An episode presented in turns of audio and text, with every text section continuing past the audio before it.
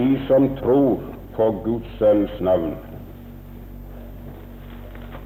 Og i Johannes evangeliet, kapittel 20, 30 og 31. Men disse er skrevet for at de skal tro at Jesus er Messias, Guds sønn, og for at de ved troen skal ha liv i Hans navn. Amen. Som overskrift for det som jeg vil si nå, kunne det passe å sette Guds barns frelses visshet. Altså vissheten om at vi er et Guds barn. Og av de to ordene som jeg nå har lest, skulle det være klart at det er Guds mening, Guds hensikt, at enhver troende skulle vite det, at han har evig liv, og dermed er et frelst menneske. Det kunne leses mange andre ord for samme sak, men eh, den som bøyer seg for Guds ord i det hele tatt, har nok med de to. Det første jeg da vil stanse for, det er at Bibelen meget tydelig og bestemt sier oss at den som har fått sin synd forlatt og tror på Kristus Jesus, han er frelst. Det skal ikke noe mer til for å være et frelst menneske. Jeg skal gi opp skriftstedene, men jeg tar ikke tid til å slå opp og lese dem. Jeg skal bare referere. Det første sted er Lukas 7, 48, 50. I slutten av det kapittel er det tale om da Jesus var i Simons hus og synderinnen kom inn og lå ved føttene hans og kysset ham. Og da husker det at han sa til henne Vær frimodig, dine synder er deg forlatt. Gå bort i fred. Din tro har frelst deg. Dine synder er deg forlatt. Gå bort i fred. Din tro har frelst deg. I Efeserbrevet 2 og vers 8 sies det av nåde er dere frelste ved tro. Du merker deg at jeg betoner ordet 'er'. Av nåde er dere frelst ved tro. Johannes 3, 36. Den som tror på Sønnen, har evig liv. Men den som ikke vil tro på Sønnen, han skal ikke se livet, men Guds vrede blir over ham. Og endelig i Lukas 1, det 76. og 77. vers. Lukas 1, 76, 77. Det det sagt om døperen Johannes at han skulle rydde Herrens vei, og du skal lære Hans folk frelse å kjenne ved deres synders forlatelse. Å si noe om hvert av de ordene, det er unødvendig. Enhver av dere kan se at summen av de fem stedene er den at det mennesket som har fått sin synd forlatt og tror på Kristus Jesus, er frelst.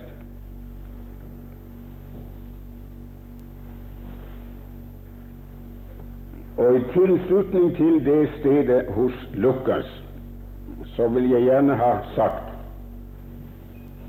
at det å kjenne sannheten om sine synders forlatelse, det er å kjenne sannheten om sin frelse. Kjenner jeg det ene, så kjenner jeg også det andre. Ingen kan ha sin synd forlatt og allikevel ikke være frelst. Har du eh, hatt et menneske som har gjort deg noe vondt, og vedkommende har kommet og gjort opp og bedt om tilgivelse, og du har gitt ham ditt ord for at det skal være tilgitt og glemt, så går du ikke sidenhen og melder ham for lensmannen, så behøver han ikke, venner, en eneste dag i sitt liv mer gå og frykte for at han skal bli satt fast. I og med at du tilga ham hans synd, det han hadde gjort eller sagt, så var det fred mellom deg og ham. Han hadde ingenting å frykte for i den sak. Og det er akkurat det samme når det gjelder vårt forhold til Gud. I selvsamme øyeblikk som Gud har forlatt meg min synd, sier testamentet, jeg er et frelst menneske. Et menneske som har fred med Gud, og ingenting har å frykte fra den kanten. Men det er ikke bare det men Bibelen sier like klart at dette å være frelst, det er noe som troende mennesker vet. Det er ingen antakelse, og det er ikke bare et håp, men det er en avgjort kjensgjerning, noe som han kjenner til og vet nå er jeg frelst. At det finnes mennesker som ikke har full klarhet verken over sine synders forlatelse eller frelsen i Kristus i det hele tatt, det er en sak for seg. Men det finnes ikke et eneste menneske, ifølge Guds ord, som tror det vitnesbyrd Gud har vitnet om sin sønn, som behøver å være i uvisshet om han er frelst eller ei. Han kan vite det, og 90 minst av troende mennesker vet det, at de har evig liv. Vi leser i Johannes brev Første brevet, kapittel tre, de to første vers. Jeg gjentar det som vi leste i formiddag. Se hvor stor kjærlighet Faderen har vist oss, at vi skal kalles Guds barn. Og det er vi. Nå nå, ikke, ikke mange år heretter, men her og nå er vi Guds barn. Det er en klar og frimodig bekjennelse. Men forutsetningen for, betingelsen for, å kunne bekjenne det, at nå ikke bare kalles jeg et Guds barn, men jeg er det, og jeg er det nå, det er at man vet det. Man vet det. Og når det er spørsmål om på hvilken måte man vet det, så skal jeg med øyeblikk si noe om det. Men la meg føye til hva det står i samme kapittel, 1. Johannes 3, i vers 14. Vi vet at vi er gått over fra døden til livet fordi vi elsker brødrene. Jeg vil gjerne be deg legge merke til at Johannes bruker den personlige pronomen, pronomen og sier 'vi'. Han sier ikke 'jeg vet at jeg er gått over fra, da, fra døden til livet', men 'vi vet det'. Det vil si at han taler i alle troende menneskers navn uansett i hvilken tid de lever, og sier vi vet at vi er gått over fra døden og til livet. Og vet vi det ikke av noen annen grunn, så vet vi da den at vi elsker brødrene. Men det skal vi ikke komme inn på nå, men i en senere time.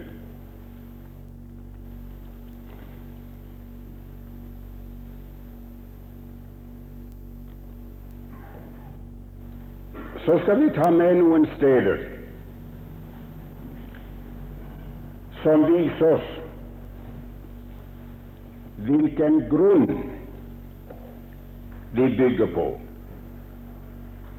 eller på hvilken måte vi vet det at vi er gått over fra døden til livet, og at vi har evig liv.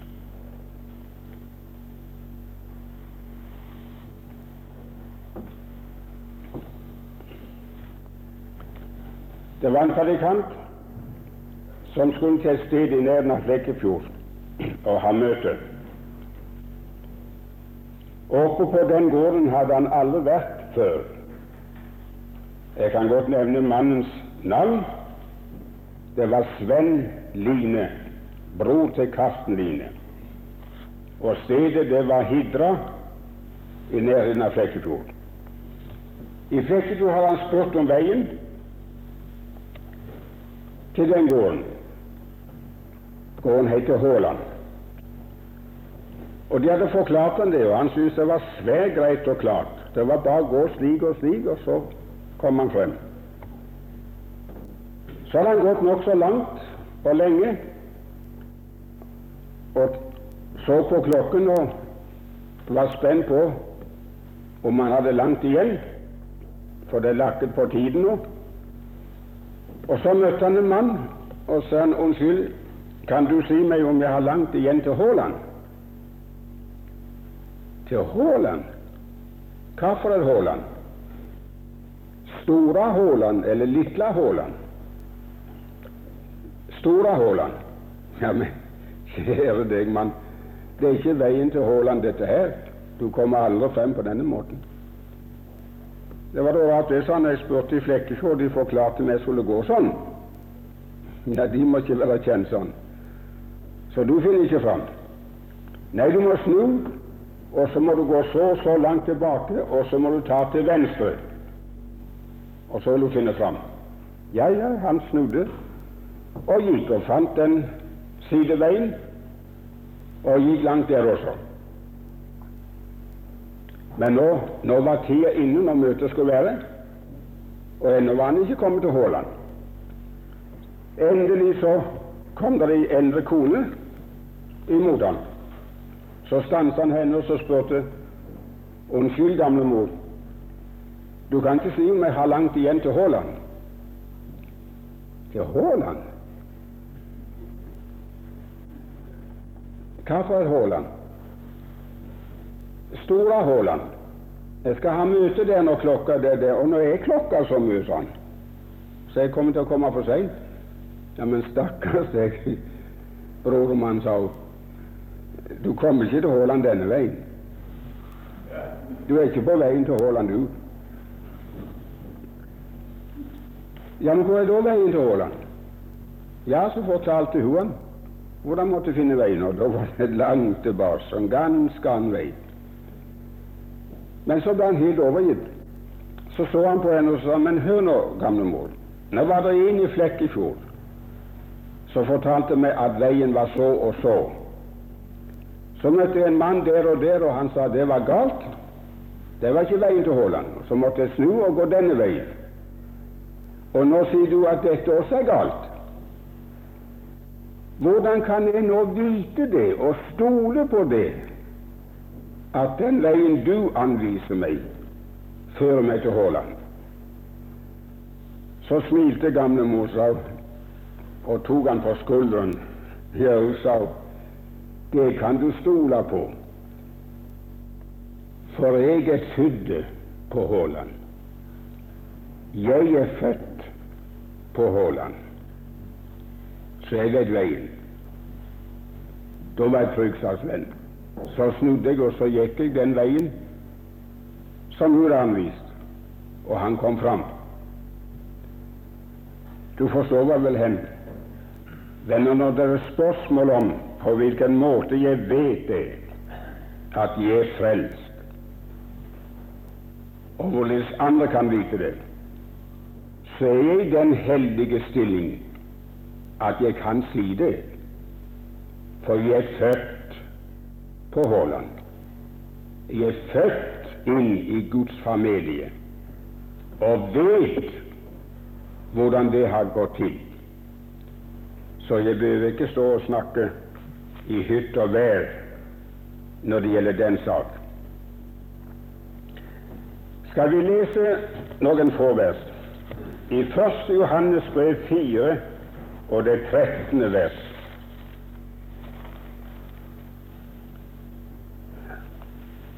Dette skal vi også komme tilbake til i en annen time.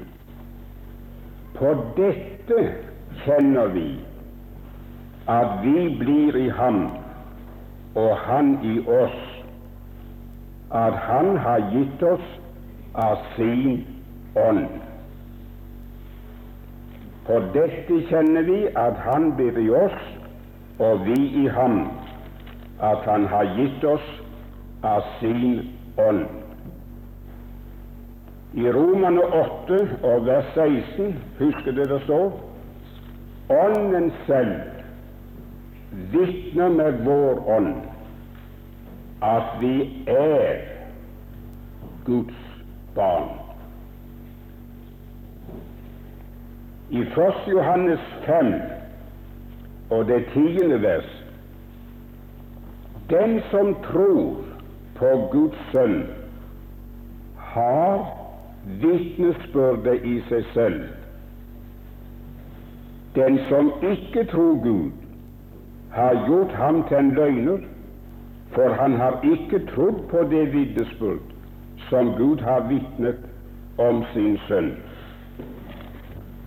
La meg si det kort på den måten.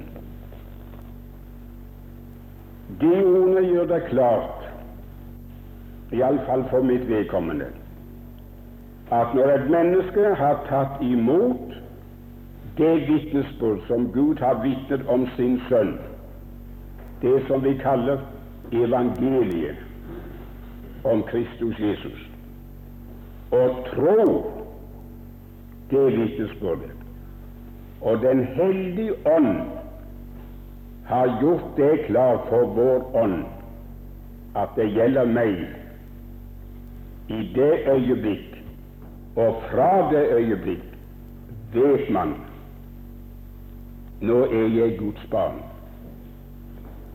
Han kan ikke alltid definere og forklare hvordan det gikk for seg når Ånden gjorde det klart. Men han vet at nå er det blitt klart. Ordene forløste meg da jeg var i min nød, holdt på å ta mitt liv, i fortvilelse. Så hadde flere forsøkt å veilede meg og hjelpe meg, men ingenting hjalp. Og så viste de meg flere sånne gode ord.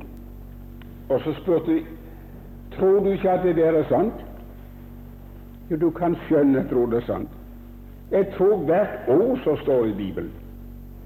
Ja, men kjære deg, Berkel hvis det er sant som står der, og du tror det, så er du jo frelst. Jeg blir sinna. Ja, det kan du si. Men jeg vet det her inne at jeg er ikke frelst. Det er ikke mitt. Og det gikk fra meg. Så går jeg en dag på gaten, og det kom som lyn fra klar himmel. Jeg hørte ingen lydelig røst men det kom like klart for meg som om en mann skulle stått bak ryggen og sagt det.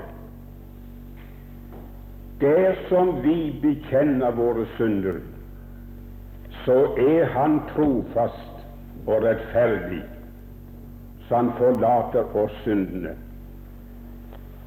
Fikk ikke tenkt på mer.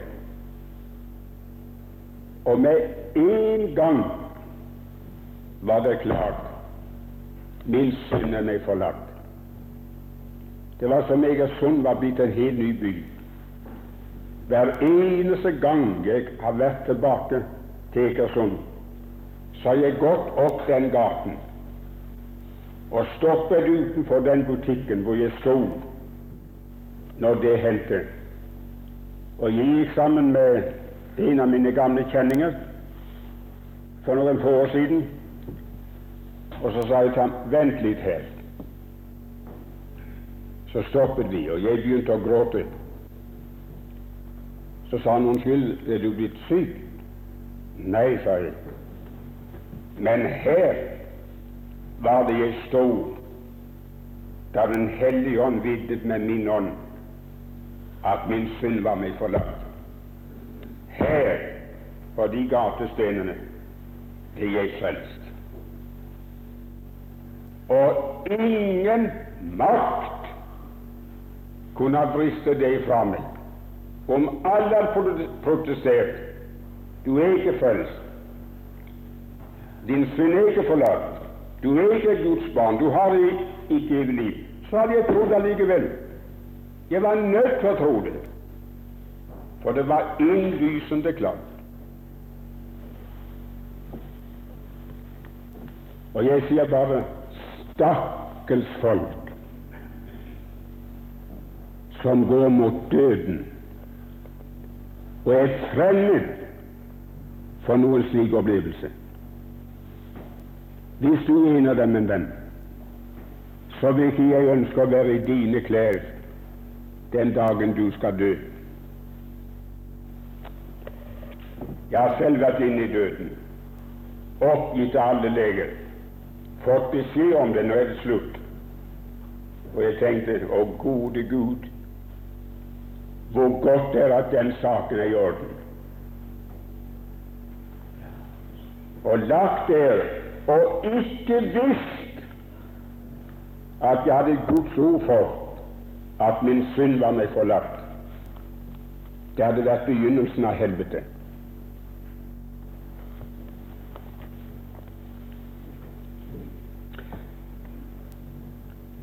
De kjenner sikkert navnet Gypsy Smith, sigøynerpredikanten fra England. Han var en original og svært slagferdig. Hadde svar, så å si, til alle ting på stående flekk når han ble spurt eller avbrutt. Blant andre steder så talte han også i Chicago. Og en kveld han sto og talte der, kom han til å opp i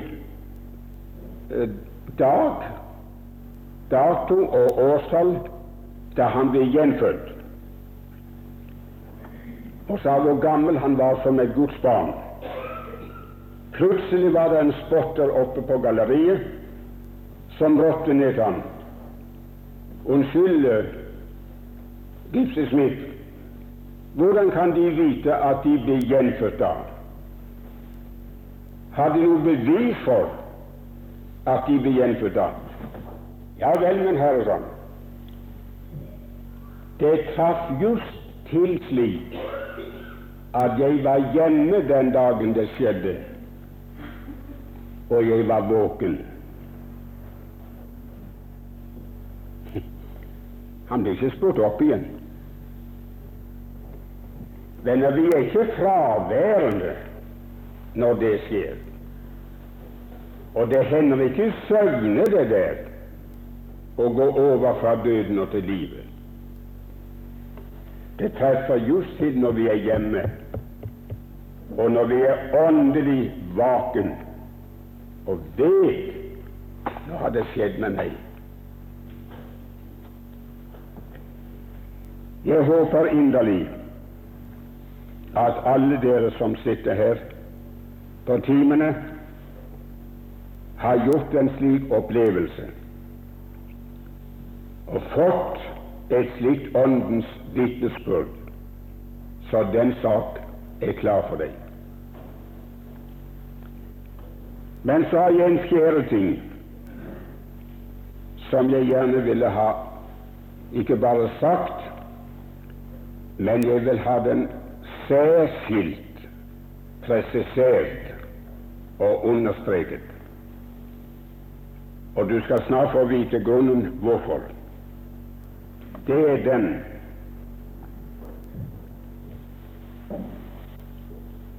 at det er her i tiden vi blir frelst. Og det er her i tiden vi er frelst, og det er her i tiden vi får vite det, at vi er frelst. Ikke at vi skal bli det, men at vi allerede er det. Jeg gjentar det det er her i tiden, på denne side av evigheten, vi får beskjed om det. Når jeg markerer det så sterkt, så er det fordi jeg både i skrift og i tale har hørt det fremholdt meget sterkt og svært ofte av lekfolk og av teologer, men aller helst av teologer. At ingen kan vite med sikkerhet mens han lever, om han skal til himmelen eller helvete. Vi kan bare i beste fall håpe det beste og gjøre det beste, streve mot målet, og så håpe at Gud til slutt skal bli oss nådig. Og så sier man, uten å blunke, og uten å belegge det med Guds eget ord, at det er først på dommedag, da når bøtene ved den store, hvite trone lukkes opp, at det skal bli kjent for alle og enhver hvem som skal til himmelen, og hvem som skal i ildsjøen. Her kan man ikke vite noe om det. Ikke kan noen vite noe om det for sitt eget vedkommende, dvs. Si med sikkerhet. Og heller ikke kan vi vite noe om det for andre menneskers vedkommende. Vi må bare leve i håpet når vi gjør det beste vi kan.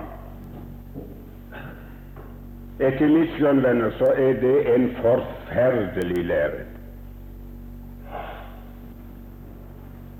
Og den går så vidt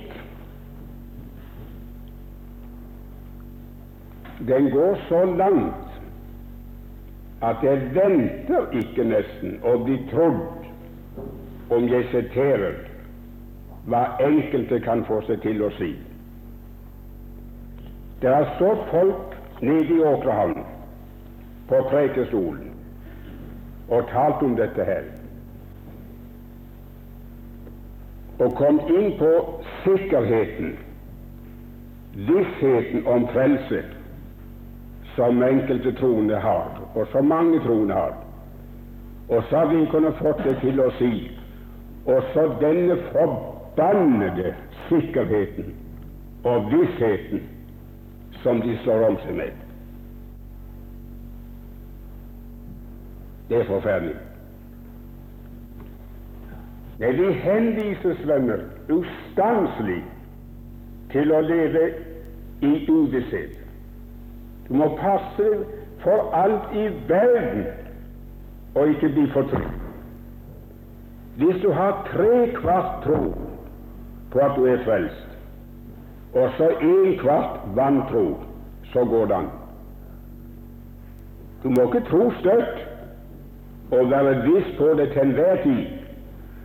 Men jo mer du kan vite om at du kommer i mørket og i kvi og i frykt for at det er selvbedrag osv., jo bedre tegn er det på at du er frelst. Det er forferdelig. Det er forferdelig, venner. Nei, min venn, det er tvert imot et vitnesbyrd om at du kan stille et spørsmål. Har de virkelig opplevd frelse? Vet de hva frelse er?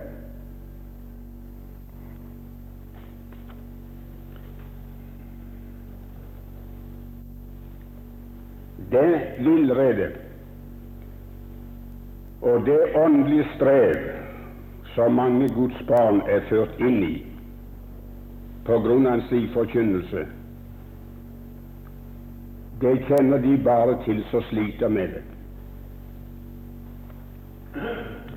Utenom de ordene som jeg nå allerede har lest, som klart og tydelig sier at vi vet at vi er gått over fra død til liv. Vi er frelst av nåde. Dine synder er deg forlatt. Gå bort i fred. Din tro kan muligens komme til å frelse deg. Nei, godtfolk, der står det ikke så. Det er ikke noen mulighet og noen antakelse, men din tro har frelst deg. Saken er avgjort. Og de andre ordene så vil jeg føye til et par andre steder, kanskje tre. Vil dere notere dere Dukkas 10 og vers 20? Det er ikke nødvendig for meg å slå det opp, for det er så velkjent. Det var da han hadde sendt ut de 70 disiplene. Og de kom tilbake, og de kom tilbake med vill begeistring for det de hadde opplevd og vært vitne til. De hadde sett at endog åndene var den lydige underdanige hans navn. Så sa Jesus til dem, gled dere ikke over at åndene er dere lydige men gled dere over at deres navn er oppskrevet i himmelen. Vil dere venner si meg, hvorledes kunne de disipler glede seg over at navnet var oppskrevet i himmelen, hvis de ikke visste at det var det? Hvordan skal jeg kunne glede meg over at mitt navn står skrevet der, når jeg ikke vet at det står der. For øyeblikk jeg tviler på at navnet står der, så er det slutt med gleden. Jeg vet nesten ikke et sterkere ord for det jeg nå har sagt, enn nettopp dette. gleder over at eders navn ikke skal bli, men for at eders navn er oppskrevet i himmelen. Vil du så være med og se på Filippenserbrevet 4? Og vi leser der de første vers, de tre første vers. Derfor, mine brødre, som jeg elsker og lenges etter, min glede og min krans, stå således fast i Herren, mine elskede. Evodia formaner jeg, og Syntike formaner jeg til å ha det samme sinn i Herren. Ja, jeg ber også deg, du som med rette kalles Synsygus, kom dem til hjelp. Hør nå. For de har kjempet med meg i evangeliet til like med Klemens og mine andre medarbeidere, hvis navn står i livsens bok.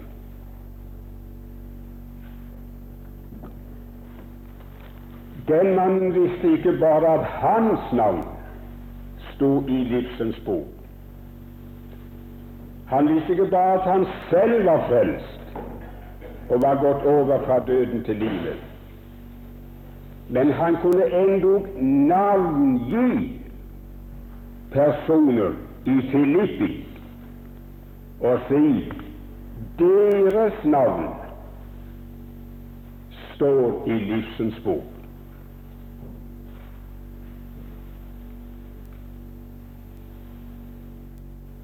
Er det nødvendig å si noe om det?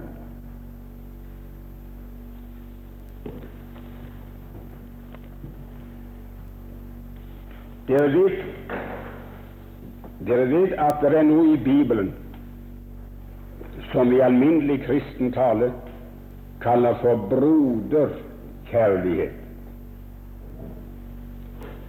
Det å elske våre medbrødre i Herren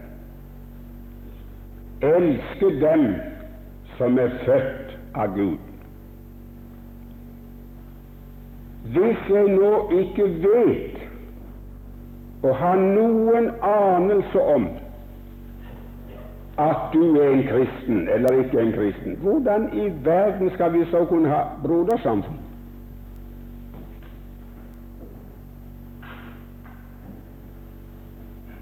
Kan vi elske sådan i luften elsker ikke dette. Kan vi elske en antakelse? Den er det først da og der, når jeg vet jeg har med et frelst menneske å gjøre, at broderkjærlighet oppstår. Og Paulus skrev til de troende og sa angående broderkjærligheten, så, så behøver vi ikke å skrive noe til dere, for dere er selv lært av Gud til å elske hverandre.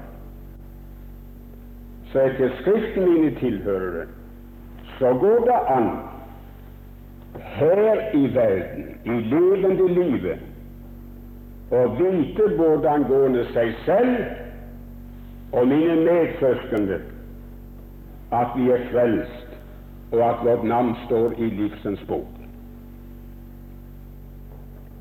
Hvis ikke det jeg nå har sagt, venner, er korrekt, så må det se å få sendt meg hjem for godt. Det, det er ikke langt ned til Åkra. Men det må få se å få satt meg fast der, så jeg ikke kommer ut iblant folk og forkynner løgn og villfarelse. Dette har jeg forkynt i årevis, helt fra 1907. Jeg har ikke endret på det en smule. Og det har jeg forsøkt å dø på. Jeg har prøvd det i livet, og jeg har prøvd det på terskelen til evigheten. Og jeg vet at det holder. Og når jeg taler om det her, så tør jeg bruke apostelens ord og si 'jeg tror'. Derfor taler jeg. Så hvis jeg ikke trodde og hadde full klarhet angående de ting, så skulle jeg tie stilt.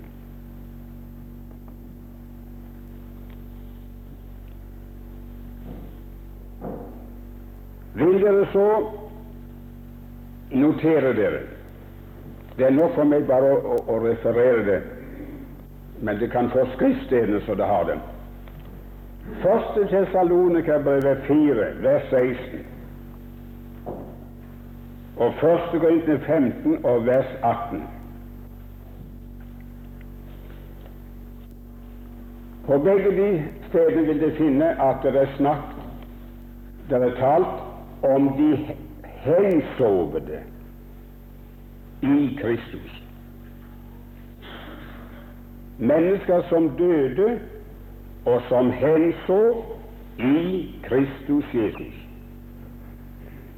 Eller som vi ofte leser i dødsannonsen i avisen den og hin døde den og den dagen i troen på sin frelser.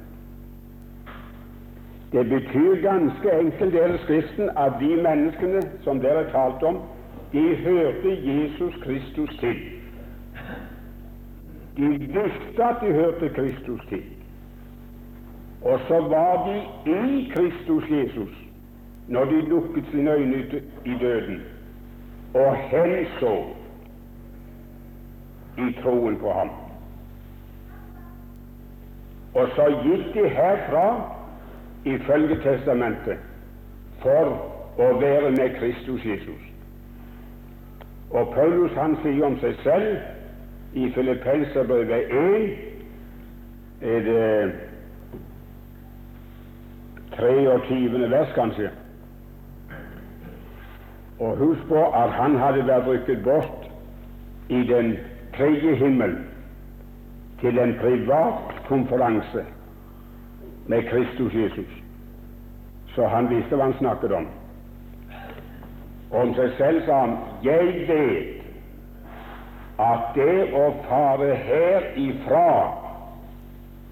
og være med Kristus, det er såre, såre meget bedre.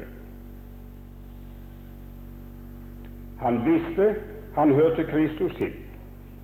Og han visste at hvis han nå ble dømt til døden og ble martyr, så gikk han herifra for å være med Kristus Jesus.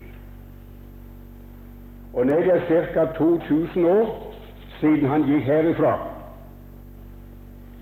Og skulle altså da etter testamentet ha vært med Kristus omkring 2000 år, så spør jeg dere Finnes det da noen fornuftig mening i det?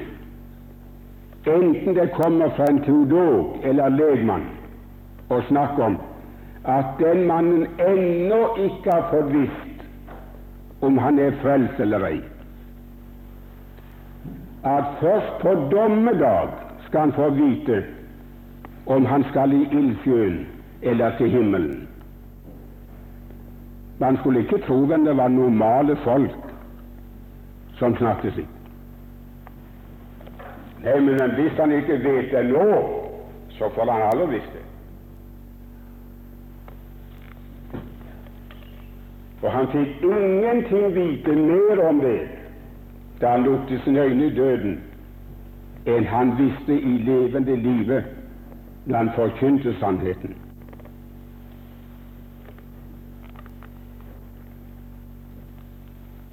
Ja, ja, dessverre. Jeg ble ikke ferdig. Men tiden er gått. Ja, det er to minutter igjen. Kanskje tre.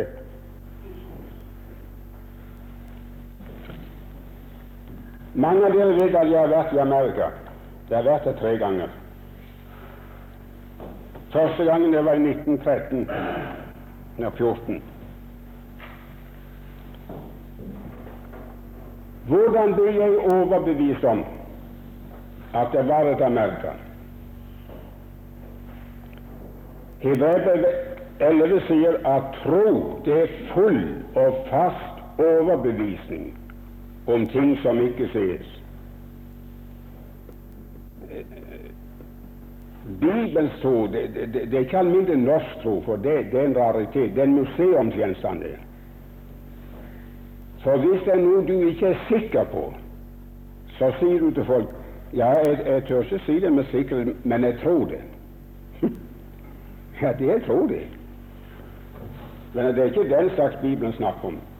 Men tro er full, fast overbevisning om ting som ikke sies. Har aldri sett Kristus henge på et kors og dø. Har aldri sett, legemlig talt, at han tok mine synder bort og slettet ut mitt skyldbrev. Jeg har ikke sett noe annet til det. Men Gud har vitnet om sin sønn, og det vitnesbyrdet foreligger her. Og det vitnesbyrdet har skapt en full, fast overbevisning om at det er så.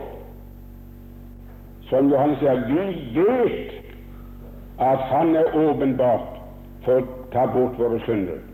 Nå vel, hvordan fikk jeg en full, overbevisning om at det var et land på den andre siden av havet som het Amerika? Det det skal jeg fortelle deg. Det hendte det kom noen hjem fra Amerika. Og de kom inn i hjemmet vårt, og der satt de om kvelden og fortalte stolpe opp og stolpe ned om det landet og det de hadde sett og opplevd, og hvordan de hadde hatt det. Og som gutt jeg trodde hver stavelsen, trodde hver grann de sa, selv når de skrøt svært mye trodde det blindt.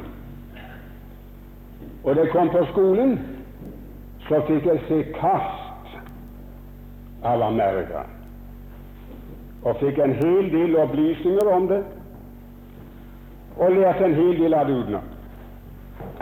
Og til slutt ble jeg så, så sikker på og overbevist om at det eksisterte et land på andre siden av havet som het Amerika at en dag så fikk jeg mergafeber, og så satt jeg rett til havs. Satt jeg rett til havs. Og jeg kom til Amerika.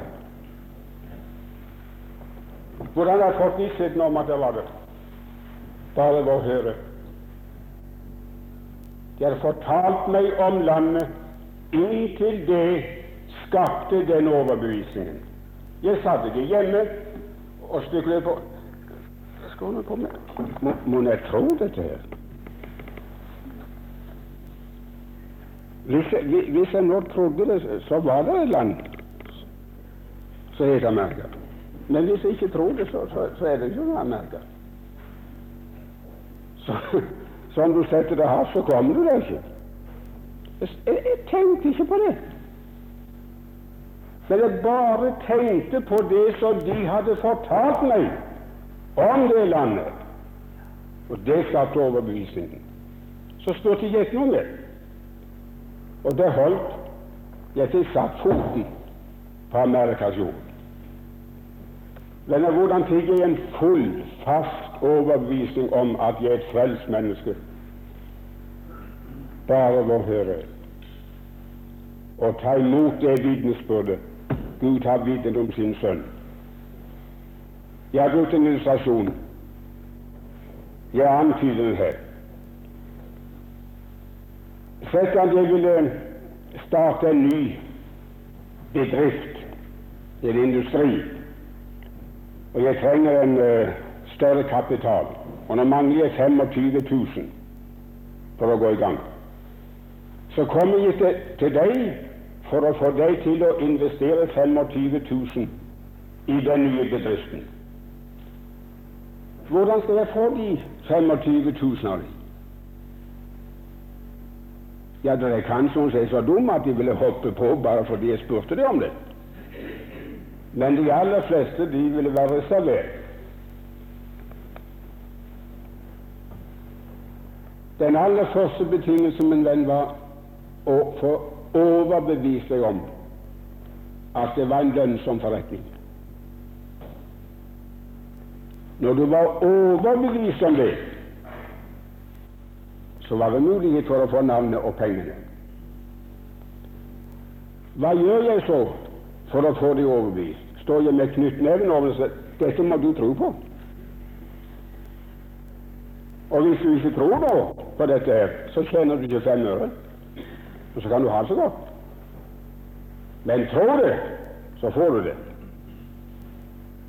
Jeg fikk ikke fem øre på det viset. Men jeg ville ruste meg ut med en hel del papir, med regnskap og med overslag av forskjellig art. Og så vil jeg ta papir for papir og legge fram for deg. Vil du se gjennom det der? Se på det der. Og så begynner du å lese og kikke på det. Ja Ja, hvis vi kunne stole på det der, så ja men vent litt. Vil du se på det her? Så tar jeg opp et papir til.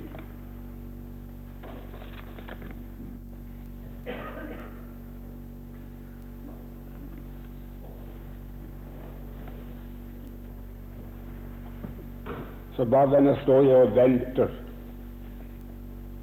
Venter på at det du har lest og sett, skaper den forvissning hos deg, den overbevisning at det der er en sikker og lønningssvarende tegnanbringelse.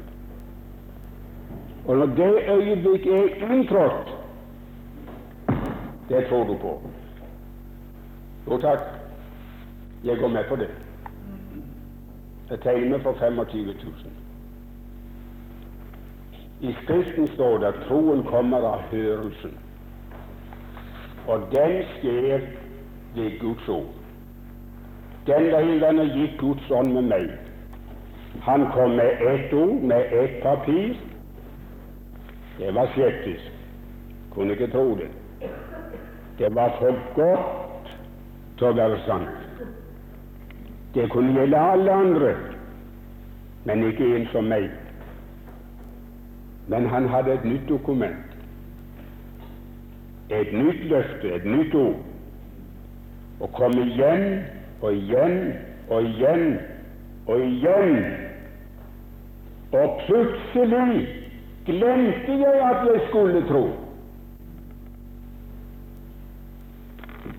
Plutselig kan jeg slutte det med å få det til å tro. Den siden av saken var glemt.